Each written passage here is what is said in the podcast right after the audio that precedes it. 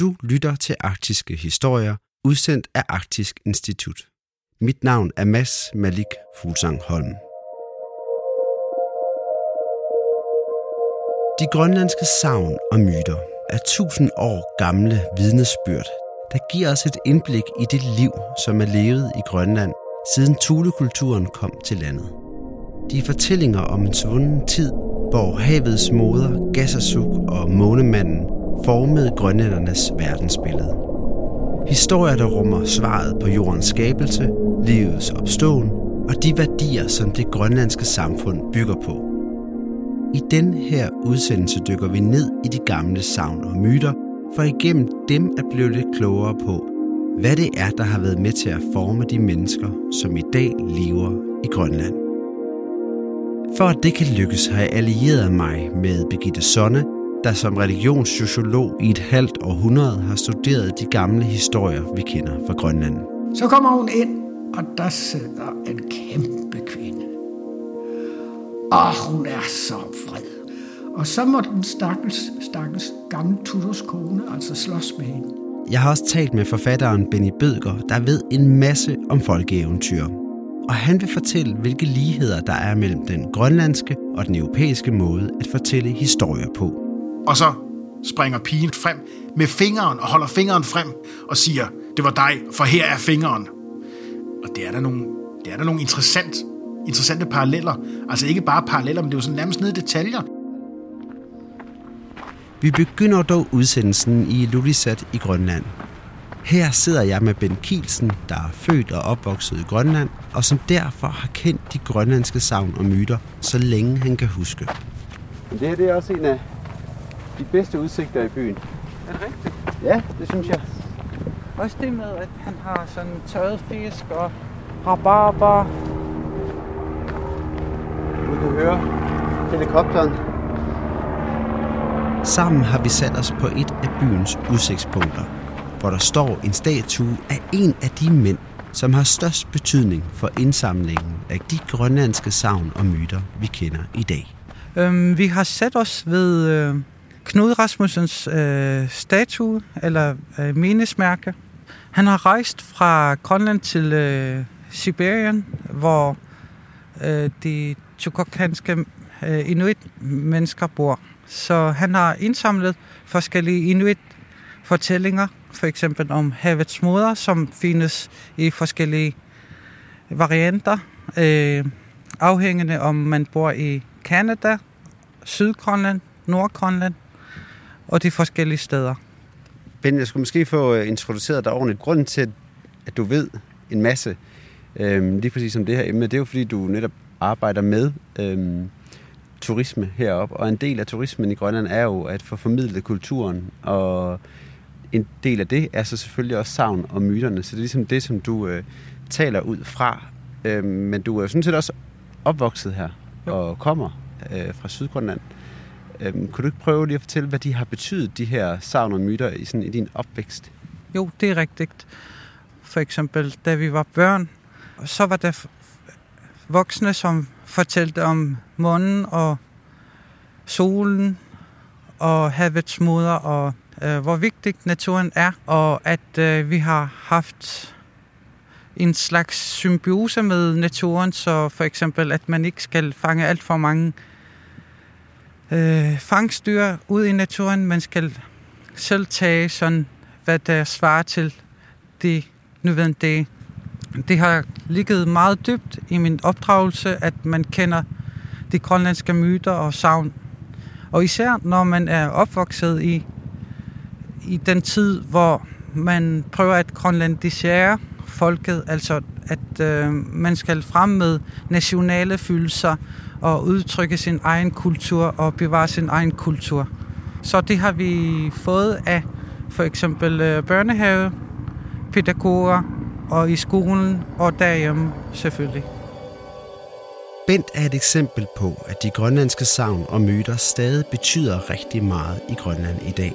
På trods af, at de stammer fra en tid, hvor livet så helt anderledes ud i Grønland. Og det er ikke tilfældigt, at Bent og jeg har sat os ved mindesmærket for Knud Rasmussen. Drivkraften bag mange af Knud Rasmussens ekspeditioner er nemlig ikke kun at gå på opdagelse i uudforsket land. Knud Rasmussen han er også meget optaget af den kultur og de mennesker, som han møder på sin vej, og ikke sjældent falder snakken på savn og myter, som han så nedskriver og tager med sig hjem. Det sker også i 1921, hvor Knud Rasmussen drager ud på 5. Thule-ekspedition. En slæderejse på knap 20.000 km. Ekspeditionen den tager sin begyndelse i Thule i Grønland. Herfra går turen mod vest, mod Kanada, Alaska og endemålet Sibirien. I tre år lever Knud Rasmussen blandt inuiterne i Nordamerika og ser de stærke kulturelle bånd, der er mellem inuit i Grønland og Kanada. Især det sproglige slægtskab er tydeligt, men også mange af de savn og myter, som han får fortalt, minder i store træk om dem, han kender fra Grønland.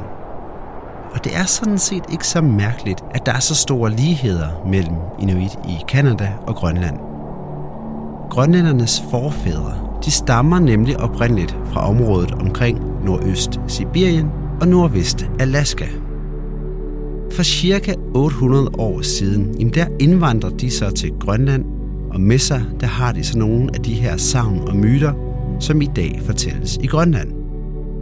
Selvom Knud Rasmussen nok er den, der er mest berømt for at indsamle historier i Arktis, er han ikke alene om at nedskrive og forevige de her fortællinger. Hans æde begynder allerede i 1700-tallet at nedskrive grønlændernes historier. Det fortæller Birgitte Sonne, der står bag Sonnes base, som ligger på Arktisk Instituts hjemmeside, hvor man kan søge i de godt 2.280 grønlandske fortællinger, som er registreret i databasen. Der er blevet samlet fortællinger ind i flere hundrede år. Det starter forholdsvis tidligt øh, i, i Grønland. Hans æde, der var den første missionær deroppe, og hans søn Paul, fik jo myter fortalt, som så de genfortalte som regel i deres dagbøger. Men da vi når sådan hen midt i 1800-tallet, omkring 1850, 54, 55, så er der sket det, at øh, en stor del af befolkningen øh, synes at være blevet så fattige og ikke rigtig sørger godt nok for sig selv. De samler sig for meget i byerne, og man synes noget af autoriteten i samfundet er gået tabt, og så er der altså en inspektør. Inspektøren, det er Heinrich Ring. Han synes, at øh, befolkningen sådan skulle øh, have, have noget af deres gamle identitet tilbage. Og så fik han den idé, at, øh, at man kunne samle deres, prøve at samle deres fortællinger ind. Dem hørte man ikke på i kirken eller nogen andre steder. Og så lavede han en rundskrivelse, det, det var vist i 1856, og, og bad øh, folk om at skrive, at sende deres fortællinger ind, skrive dem ned, for dengang der var der jo altså mange, der både kunne læse og skrive. Til sin store overraskelse fik han i løbet af de næste 4-5 år noget med 500 fortællinger. Og der har han altså ikke ventet. Det er klart, at jo mere øh, kristendom, der kom ind og sådan noget, var der flere og flere fortællinger, der ikke blev fortalt mere. Men der var alligevel sådan i udkantsområderne, skal vi kalde dem det, øh, der var der faktisk bevaret øh, temmelig mange. Den logik, som Rink han er præget af, og som får ham til at indsamle de grønlandske fortællinger, er tæt bundet op på den meget omdiskuterede beskyttelsespolitik, som du kan høre meget mere om i afsnit 11 af Arktiske Historier. Kort fortalt er tanken dog, at grønlænderne skal skærmes mod den moderne verden, og det skal de for at bevare den oprindelige kultur og fastholde inuiternes livsstil som naturfolk. Og selvom datidens syn på grønlænderne er omdiskuteret, ja, så ender det altså med at få stor betydning for bevarelsen af de grønlandske fortællinger. Og nu skal du høre en af de her fortællinger, som i generationer er blevet overleveret i Grønland. Og det gør vi på den helt klassiske maner, nemlig via den mundtlige overlevering, hvor historien fortælles frit fra hukommelsen. Derfor skal vi nu tilbage til Lulisat, hvor Ben Kielsen nu fortæller savnet om dengang valerne blev bange for menneskene. Historien begynder med, at der var en gang, hvor valerne kom helt ned til kysten. Øhm, de mænd, som jager og går på fangst, er gået til øh, havet for at fange sæler eller andre fangstyr. Og tilbageværende er så de kvinder, som er i bopladsen. Og de, de så, at en valg kom ned til kysten til dem, og så de besluttede for at fange valen og dræbe den selv.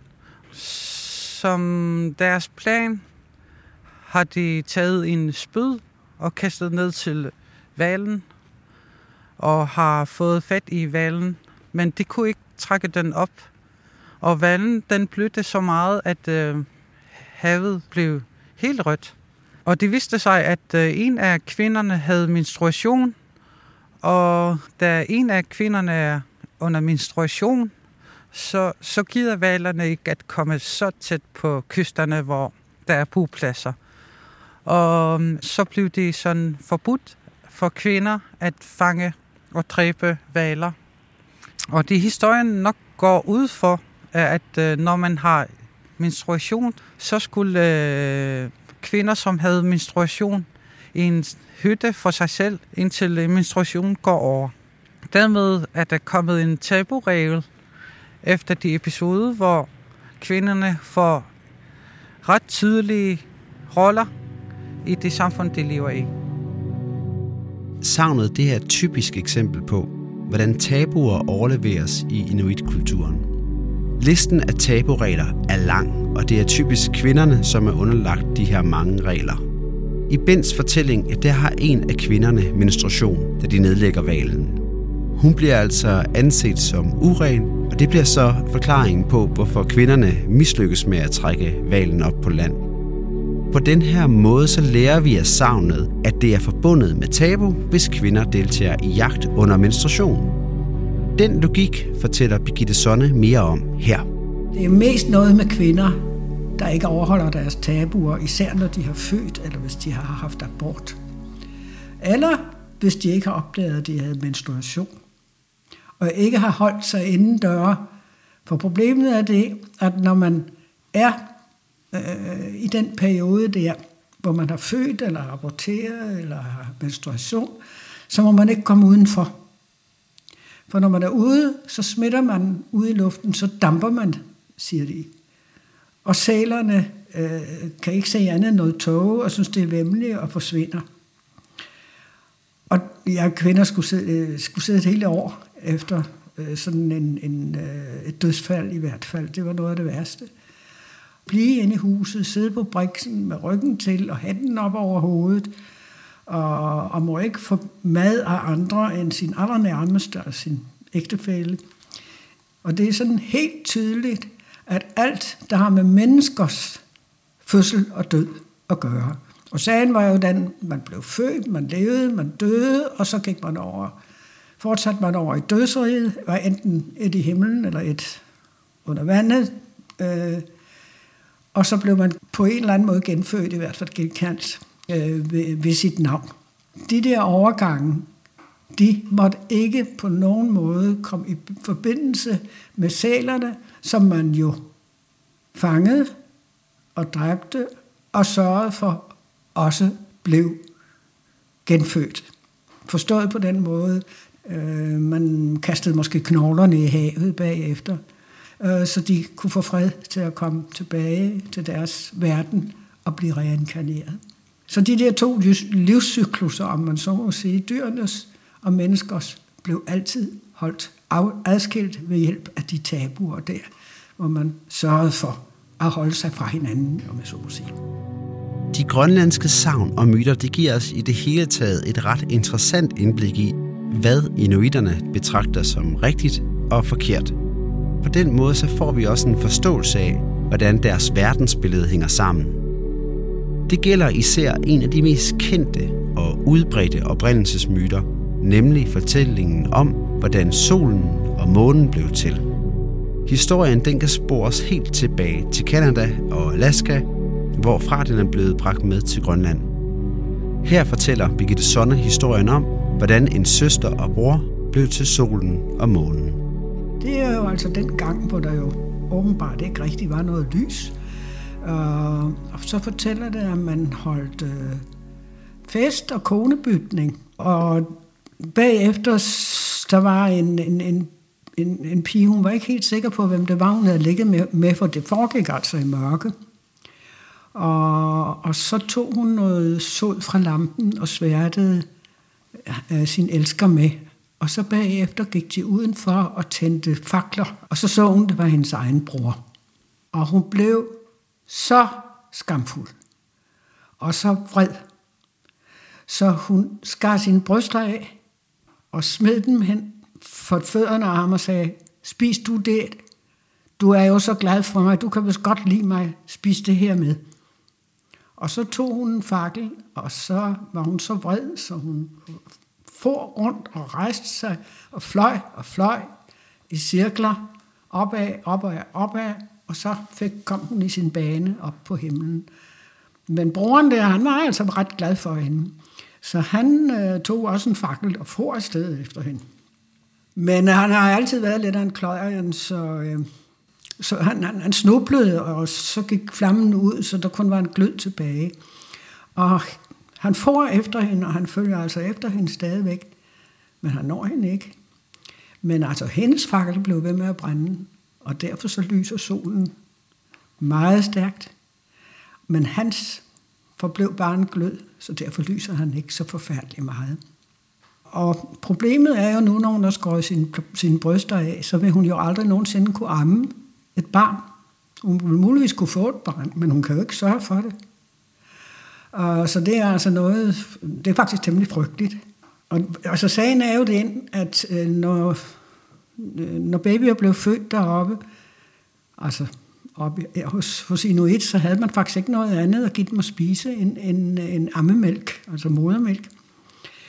Og det var sådan, at hvis moren døde i barselsseng, og, ja, og der ikke var nogen kvinde, der havde mælk i brysterne, som ville tage sig af det eller noget, jamen så var der ikke noget at gøre, så satte man det ud. Og så fik det lov til at ligge derude og skrige til døde. Men det var ikke kriminelt. Altså, det var, ikke, det var okay, fordi når der ikke var nogen, der sørger for det, så kunne det jo ikke hjælpe noget.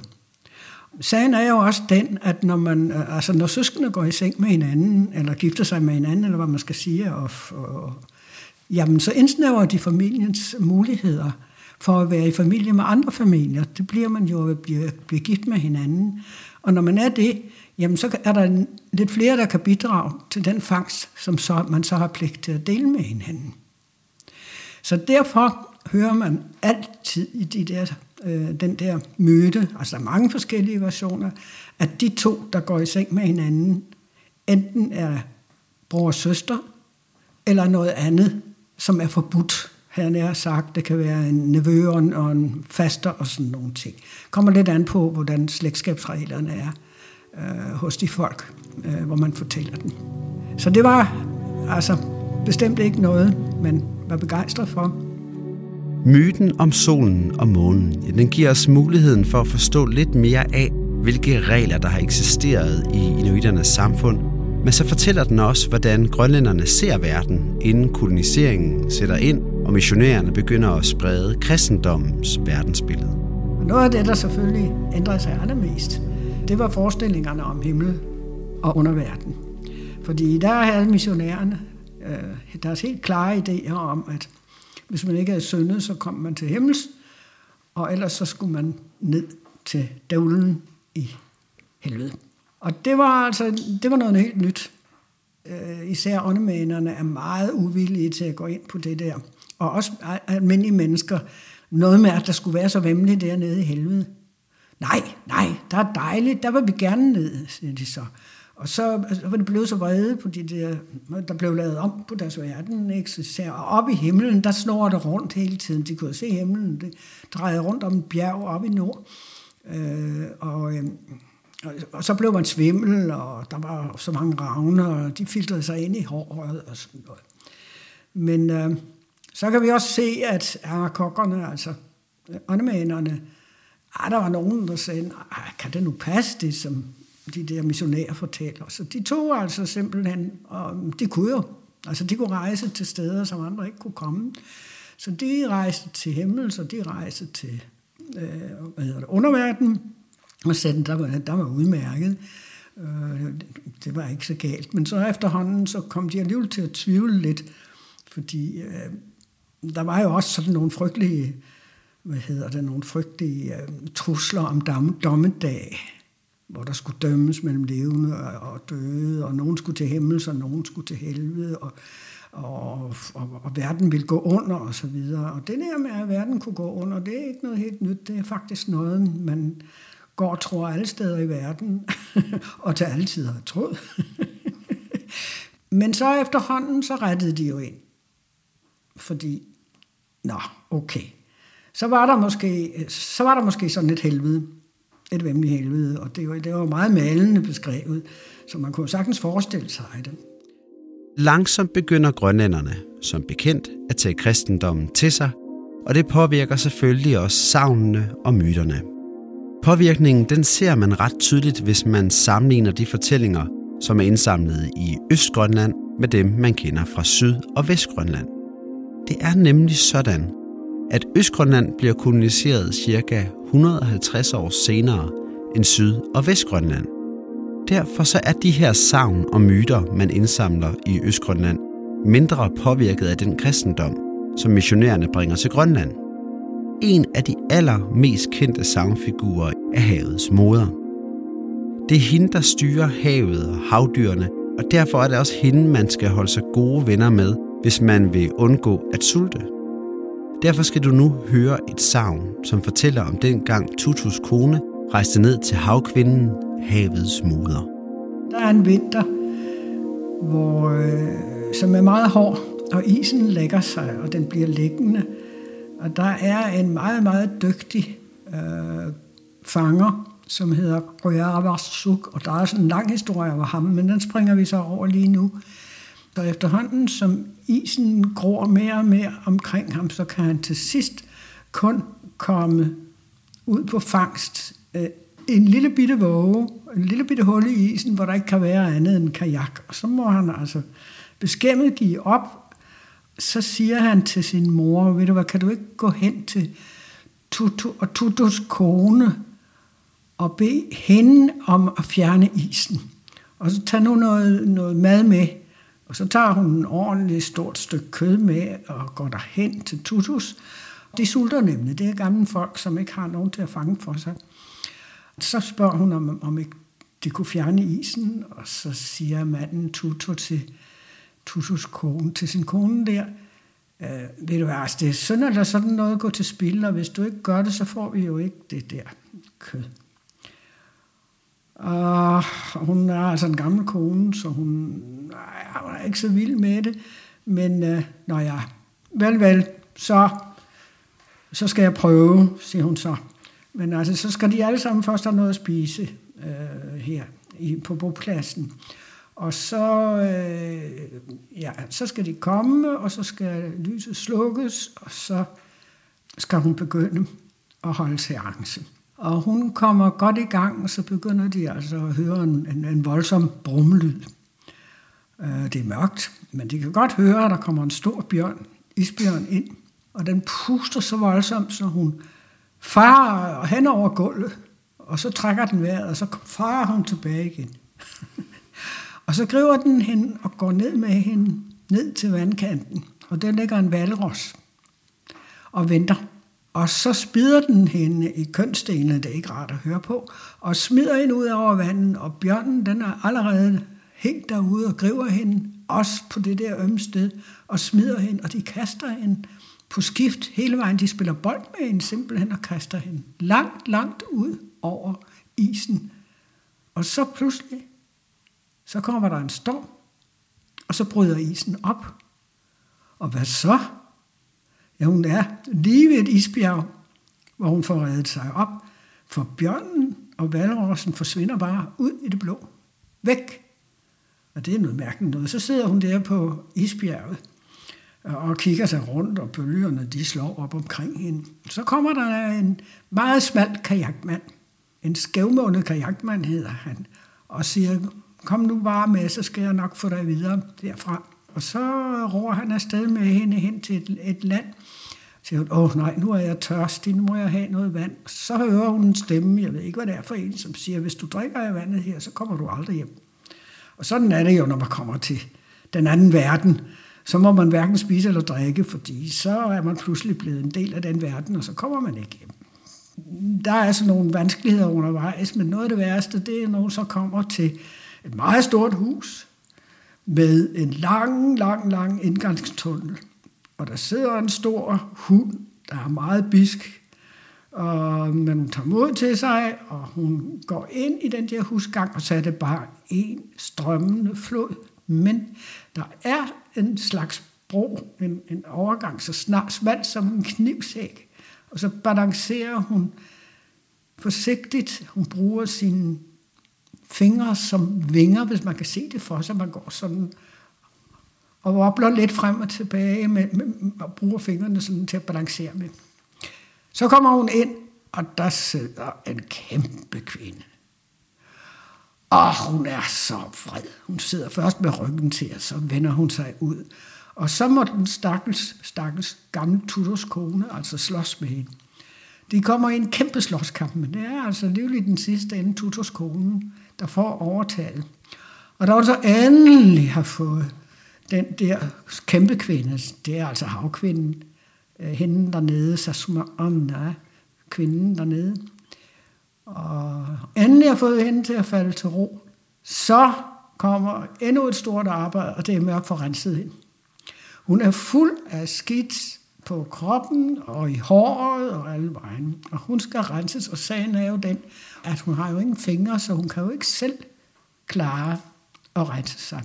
Alt det der skidt, det er, det er som en slags stivnet, størknet blod. Og det kommer simpelthen fra menneskers tabubrud på jorden. Havkvinden, øh, hun bliver så glad. Nej, hvor er det længe siden, jeg er blevet renset. Hvor er det dejligt. Tusind tak skal du have. Hvad skal jeg dog give dig til gengæld? Øh, og så siger hun, flyt, flyt lige min lampe lidt. Så flytter hun, og så strømmer der en hel masse søfugle ud først.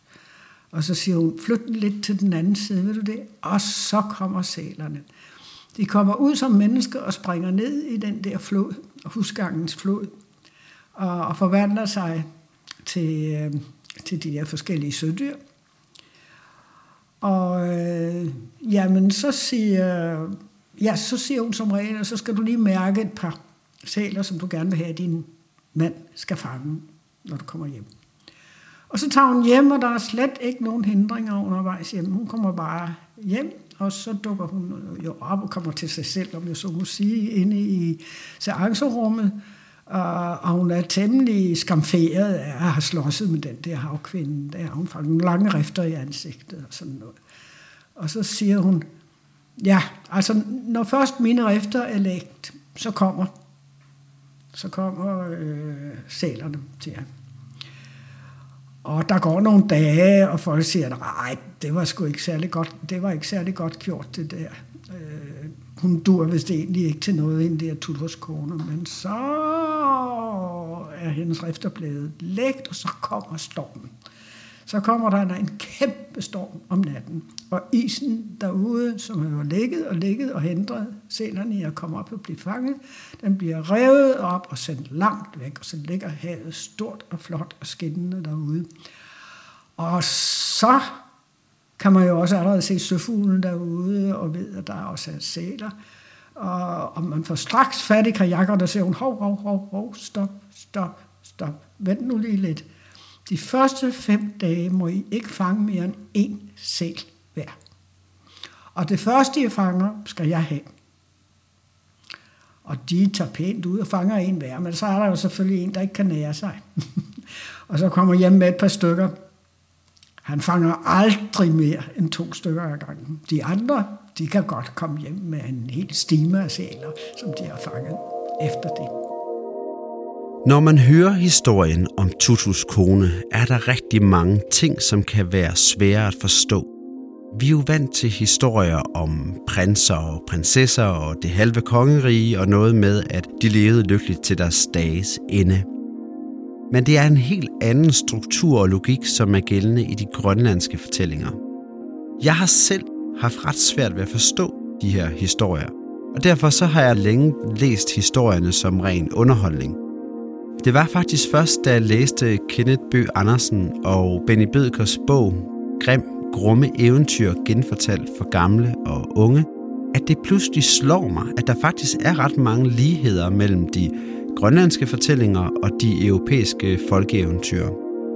I bogen genfortæller de to forfattere en række af de tidligste udgaver af Grimms eventyr fra begyndelsen af 1800-tallet. Fra den gang, hvor historierne ikke altid endte lykkeligt. Benny Bødker han er ikke ekspert i Grønlands kultur. Til gengæld så ved han, som forfatter, hvordan vi som mennesker i århundreder har fortalt historier. Derfor så bad jeg Benny læse et par udvalgte grønlandske savn og myter, for at høre, hvordan han oplever historierne. Det er nogle ret stærke eventyr, nogle ret stærke historier, øh, fordi de eventyrsamlinger, som vi kender, og som vi har læst mest af, det er jo netop Grimms eventyr, eller Asbjørns Mo i Norge, og i en vis grad nogle danske folkeeventyr, som alle sammen bevæger sig inden for den samme kulturkreds, og inden for den samme emnekreds. Øhm, og der kan man sige, at der er det jo i sig selv interessant, fordi de har nogle helt andre ting på spil, og de handler om helt, nogle helt andre ting. Men samtidig så er det også altid den der mærkelige blanding af, at det er utrolig fascinerende. Det er utrolig fascinerende at sidde og læse dem her, og at øh, få de her forklaringsmodeller på verden, og få de her indblik i øh, nogle samfund, som er meget fremmedartet, øh, og som virkelig rummer nogle vilde historier. Og på den anden side, så er der altså sådan lidt utilfredsstillende, og det gælder næsten alle eventyr, fordi at de her, de er jo ligesom de Grimms eventyr, så mange andre jo sådan meget, det er også flade historie. Det handler jo ikke om psykologiske mennesker. Det handler jo ikke om øh, meget beskrevne rum. Det er jo meget handlingsbaseret. Der er en person, der har det her navn, og han agerer her, her og her, og så sker der de her ting, og så slutter den. Øhm, hvor vi ligesom er vant til, at vores moderne fortælletradition er jo, at du skal ind under huden på personen. Du skal forstå personen. Og her der kan vi jo fundamentalt ikke forstå. Vi forstår ikke, hvorfor de her mennesker handler på den måde. Vi kan godt ane, at det er nok, fordi der er noget, jeg ikke ved. Det er nok, fordi jeg ikke ved, at normerne på det her tidspunkt er på den her måde. Det er nok, fordi jeg ikke ved, at samfundet på det her tidspunkt er på den, er på den her måde. Øhm, men det er jo et træk, som det deler med alle eventyr, at man sidder og har sådan, du ved, der er noget større på spil her, jeg ved ikke, hvad det er, og på den ene side er det noget, som gør det virkelig spændende, og på den anden side er det også noget, der er meget frustrerende, fordi det er ikke den læseoplevelse, vi plejer at lede efter. Øhm, til gengæld vil jeg sige, at altså med de grønlandske her, altså, når man sidder og læser i dem, så er det jo sådan nogle små knaldperler, ikke? Altså, der er jo sådan nogle, øh, de er jo vilde og blodige, altså, øh, man kan sige, de er fulde af grænseoverskridende adfærd, hævn og drab og voldtægt osv. i et omfang, som, som virker meget anderledes i forhold til, når man læser de øh, eventyr. Selvom selv Grimms eventyr jo netop, når først man dykker ned i dem, er fulde af kannibalisme og forskrivelser til satan og øh, opgivelse af børn og øh, altså ret mange grumme ting også, det er klart. Men det, som ellers slog mig mest, da jeg sad og læste i de grønlandske savner eventyr, det er jo, de er så udpræget kosmologiske, mange af dem. Altså, at mange af dem meget handler om, hvordan universet hænger sammen. Øh, på en måde, som de europæiske eventyr ikke gør. Øh, og det er jo nok fordi, at de tilsvarende paralleller, vi skal finde i det europæiske og nordiske, det er jo nok altså historien om den nordiske mytologi, øh, og alle de beretninger, vi kender fra Eddaen, hvor de, det er der, vi får vores historie om, øh, hvordan verden hænger sammen. De grønlandske fortællinger tager selvfølgelig udgangspunkt i en grønlandsk virkelighed. Derfor så udspiller handlingerne sig heller ikke i en skov eller i en by. Det er i stedet for på bopladsen eller ude i den grønlandske ødemark. Også de figurer, vi møder, de er fuldstændig forskellige fra dem, vi kender i de europæiske folkeeventyr. Her er det jo gigantiske isbjørne og månemænd og fjeldgængere, som er hovedrollerne i historierne. Men når det så er sagt, ja, så findes der også mange fællestræk, og det er dem, vi skal høre om nu. Benny Bødger er nemlig faldet over et savn, som viser nogle af de ligheder, der er mellem den grønlandske og europæiske fortællerkultur. Det savn skal du høre her. I Marasasuak, der blev fed af at æde sine koner. Den handler om den her øh, fanger, som, øh, hvor, hvor man fortæller, at øh, han øh, tit får sig en ny kone, og så går der ikke særlig lang tid, før han nu igen er blevet enkemand. Så han, altså, han går altså igennem en øh, lang række af koner, og øh, han er altid ret god til at vælge sig de smukkeste og, og, og dygtigste kvinder øh, rundt omkring i bopladserne. Historiens hovedperson er så hende pigen, som hedder Misana, som øh, skal giftes med Imar Sasuak. Uh, øhm, hun følger med ham, hjem til ham, sammen med sin bror. Og det, som hun sådan langsomt øh, finder ud af, det er, at han er altså i gang med at fede dem op. Øh, I første omgang er han i gang med at fede broren op for at øh, æde ham. Øh, senere så gennemskuer han selvfølgelig, at det betyder, at han nok også har tænkt sig at, øh, at fede hende op. Øh, og det er sådan meget grafiske detaljer, ikke? fordi altså, da, han, øh, da han er klar til at spise broren, så øh, derpå gav han sig til at flænse ham. Flænsede ham helt op og bad sin kone om at sætte en stor gryde over. Hun græd indvendigt af sorg og smerte over det, hun så.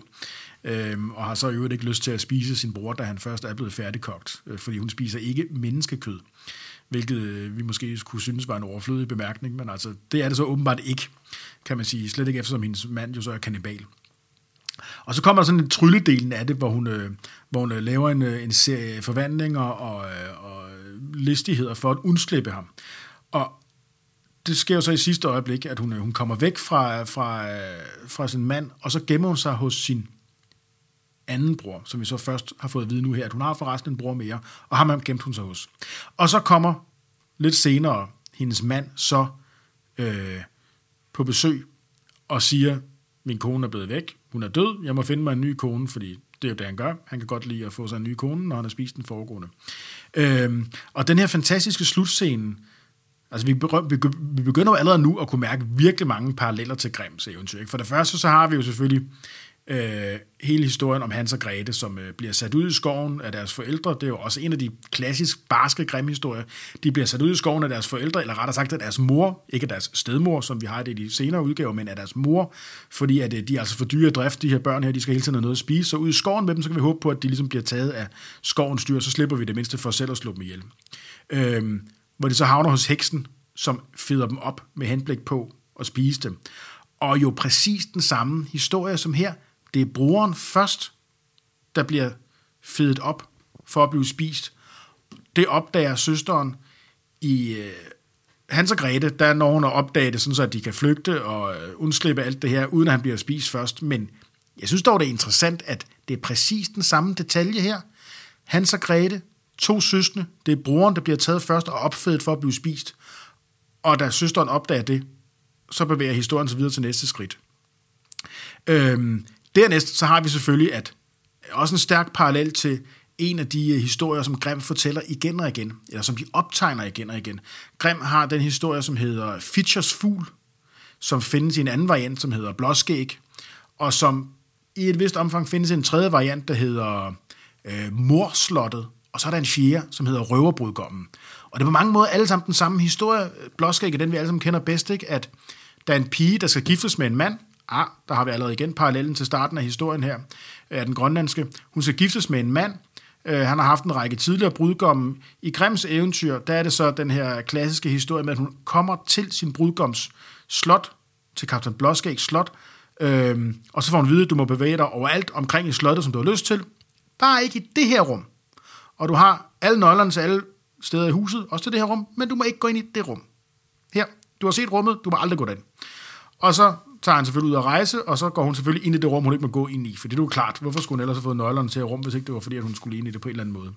Og derinde, der typisk i de fleste udgaver hænger så line af de her foregående x antal koner, som han har øh, slagtet, flænset op. Han har ikke spist dem, fordi de hænger der stadigvæk, men han har dog ligesom slagtet dem. Øh, minder også vældig meget om vores historie her. Øh, og da vi kommer frem til slutningen, så er der igen den her interessante detaljer, som minder så utroligt meget om Grim igen, fordi øh, Misana skjuler sig nu hos sin bror. Imar Sasuak kommer for at beklage sin nød. Min kone er forsvundet igen, eller hun er død i hvert fald. Jeg har brug for en ny kone. Misana øh, er krøbet ind bag husets skintapet og gemmer sig der og lytter til ham, hvor han står der og beklager sig. Hu, hu, Misana, som jeg holdt så meget af, er død. Og han bliver ved med at komme med sine beklagelser. Og så er der så en, der siger, eller det er brugeren, der kommer frem og siger, at det påstås, at Imar Sasuak åd så fed på sine koner. Han åd så fed på sine koner. Og så bliver han selvfølgelig straks sur i Imar Sasuak og siger, hvem har sagt det, hvem har sagt det? Og han rejser sig straks op og så sig forskrækket omkring, og så slam. Det har jeg, råber Misana og hopper frem for skintapetet. Ikke? Og der kan vi jo tydeligt mærke hele fortællesituationen. Ikke? Den, som har siddet og fortalt eventyret, sidder og fortæller det hele med den samme stemme indtil, det har jeg.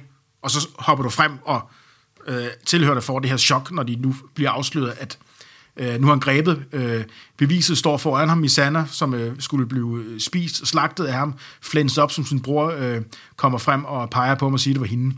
Øh, Og igen, altså, nede i detaljen minder det jo om det grim eventyr, som hedder øh, Røverbrudgommen, hvor vi har næsten den samme præmis igen. Pigen, som skal giftes med den her mand, som alle tror er fin og udmærket.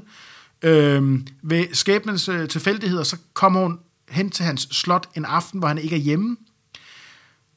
Der sidder en gammel kone, som siger, øh, det du ikke ved om din mand, det er, at han er forfærdelig, han er forfærdelig, han øh, slagter unge piger, han elsker at slagte dem, det, det er eneste, han har lyst til. Skynd dig hjem. Skynd dig hjem. Men i samme øjeblik, så øh, sker der det, at de hører, at han ankommer, ham og hans mænd, så der ikke er noget at gøre, når hun må skjule sig på borgen. Hun skjuler sig bag en, øh, bag en reol eller et eller andet, bag et skab, tror jeg det er. Så kommer hendes øh, brudgom og hans svende, og de har en ung pige med sig, og hende slagter de selvfølgelig. Og en af de ting, de også gør, det er, at øh, de gerne vil have en ring, der sidder på hendes finger. Så de tager en øh, økse og kløver fingeren for at få fat i ringen.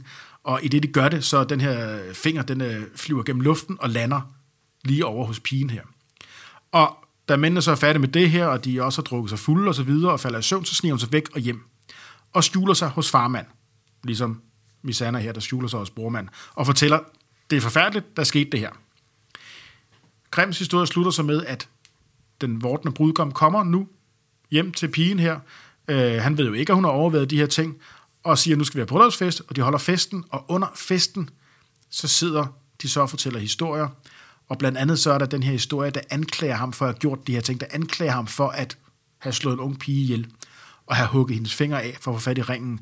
Og han benægter, ligesom i Masasuak benægter her, og så springer pigen, han er sagt, frem med fingeren og holder fingeren frem, som fortælleren formodentlig holder fingeren frem mod lytterne og siger, jeg ved det, det var dig, for her er fingeren, den er her. Øhm, og så slutter historien selvfølgelig med, at han må bryde sammen og bliver taget og formodentlig slået ihjel, nu var han afsløret. Og det er der nogle, det er der nogle interessant, interessante paralleller. Altså ikke bare paralleller, men det er jo sådan nærmest nede i detaljer. Og så har den jo den der fede slutning, at den slutter med. Og her ender denne historie om den fede Ima Sasuak. Færdig, der er ikke mere at sige. Det er jo voldsomt interessant, at der er så mange træk, som går igen, når man sammenligner Grims folkeeventyr med de grønlandske. Man skal selvfølgelig tage forbehold for, at danskernes tilstedeværelse i Grønland, det har selvfølgelig også påvirket de grønlandske savn og myter. Og at de mennesker, som har indsamlet og nedskrevet historierne, måske også tilføjer lidt hist og her for at få fortællingen til at give bedre mening, altså ud fra en europæisk logik naturligvis. Alligevel så synes jeg godt, at man kan sige, at der på tværs af kulturer må være nogle helt grundlæggende fortælletekniske greb, som mennesker gør brug af, når de skal fortælle en god historie. Man skal jo huske på, at alle mennesker føler glæde, smerte og frygt på samme måde. Og derfor så er det måske heller ikke så underligt, at man på tværs af verden har brugt de samme greb, når man har fortalt historier, som skal fange publikums opmærksomhed på de kolde, mørke vinteraftener. Og det er netop på de kolde, mørke vinteraftener, hvor tankerne skal ledes væk fra det monotone, slidsomme liv, at man på bopladserne i Grønland har fortalt de her historier. Hver boplads har haft sin fortæller, der har haft sin helt egen måde at dramatisere historierne på. Savnet om Imrasasuak kan man for eksempel hurtigt finde i fire forskellige versioner, alt efter om man har indsamlet savnet i Syd, Nord, Øst eller Vestgrønland. De har alle en masse ligheder, men de er også forskellige, fordi de bliver præget af de livsvilkår og omstændigheder, som de er blevet fortalt i. Og sådan er det med folkeeventyr. Vi skal jo huske på, at de er blevet udbredt ved mundtlig overlevering og fortalt frit fra hukommelsen. Det betyder jo så naturligvis, at historierne har været i konstant udvikling hvorfor der ikke kun findes én rigtig udgave, men derimod mange. Du kan sige, at øh, hver eneste historie bliver genfortalt, bliver fortalt på ny. Der er en organisk udvikling. Øh, altså, enhver fortæller har også nærmest en pligt til at fortælle historien på sin egen måde, fordi at du sidder jo og tilpasser den. Du, man, de har jo siddet og tilpasset historierne til deres tilhører. Hvad fungerer her? Hvad fungerer ikke her? Det er også det, man kan se, at der er jo formodentlig også øh, masser af eksempler på lokal tilpasning. At den her historie om rødhætte, som går ind i skoven, det er altså den skov, der ligger lige herover, som vi alle sammen kender, som du ved, den med bøgetræerne, hvor det slutter med, at rødhætte bliver spist af ulven, der kommer ikke nogen jæger, øh, Og den minder utrolig meget om en udgave fra Italien, som vi kender fra 1700-tallet, hvor øh, ulven meget klart er en vareulv.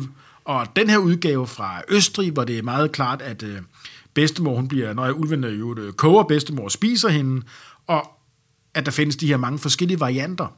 Det er også derfor, at der er også noget upålideligt i de øh, eventyr, vi i det hele taget sidder og læser, fordi det, vi har på skrift, det er ikke sådan, som det er lyt, da Maren Ikea sad og fortalte historien.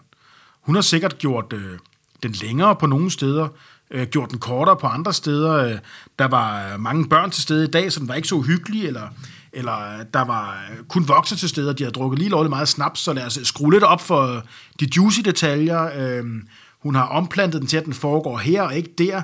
Hun har også øh, blandet den sammen med en anden historie med vilje, for den her historie, den var de rigtig vilde med i sidste uge, så vi tager nogle detaljer fra den og kommer med ind i den her nu. Og det, vi sidder og læser på skrift, er jo, ja, det vil være forkert at sige, at det er en bleg afglans af det, for det er det jo ikke, men du kan ikke sige, at det er sådan her eventyr er, og alt andet, det er broderier og varianter. Man må formodentlig forestille sig, at, at det mundtlige eventyr, det kan vi ikke vide præcis, hvordan det har set ud. Det, vi har på skrift, det er nogle virkelig gode stikord til det. I den her udsendelse er vi blevet fortalt flere forskellige savn og myter. Nogle er mystiske og overnaturlige, mens andre i høj grad minder om noget, vi har hørt før. En del af motivationen for at lave den her udsendelse er at få skabt lidt større forståelse for, hvad de grønlandske savn og myter handler om. For selvom de måske i første omgang kan synes fremmedartede og svært tilgængelige ud fra en dansk fortælletradition, ja, så er de naturligvis både meningsfyldte og logiske, når man anskuer dem ud fra den virkelighed, de er opstået i. Så vil man forstå dem, ja, så kræver det, at man tager sig tid til at sætte sig ind i den kultur, de tilhører, og sætter sig lidt ind i, hvordan livet har set ud, der hvor historien er blevet fortalt. Altså, der er altid noget andet bagved, og det er ikke altid, vi umiddelbart kan forstå det. Og der er ikke andet at gøre, end man må øh, altså prøve at komme i dybden med, øh, hvad de foretager sig, deres ritualer, øh, hvordan det hænger sammen med de andre myter, øh, hvordan deres øh, verdensbillede ser ud. Altså det kan man ikke bare lige uden videre forstå.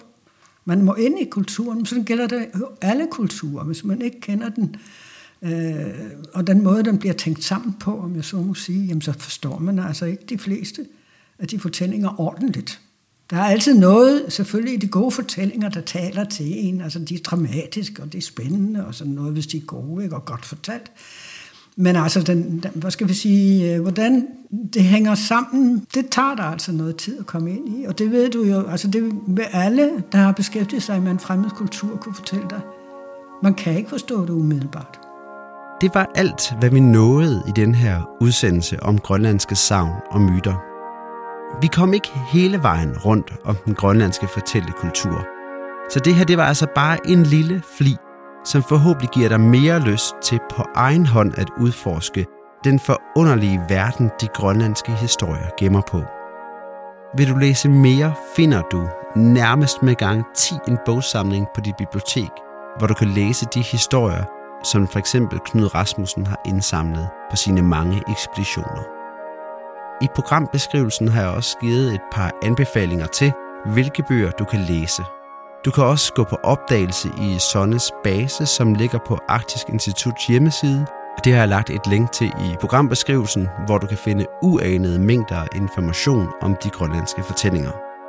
Tilbage for mig er kun at sige, at mit navn er Mads Malik Fuglsang Holm, og det er mig, der har lavet udsendelsen. Jeg siger tak til alle, der har medvirket, og så naturligvis til dig, fordi du lyttede med.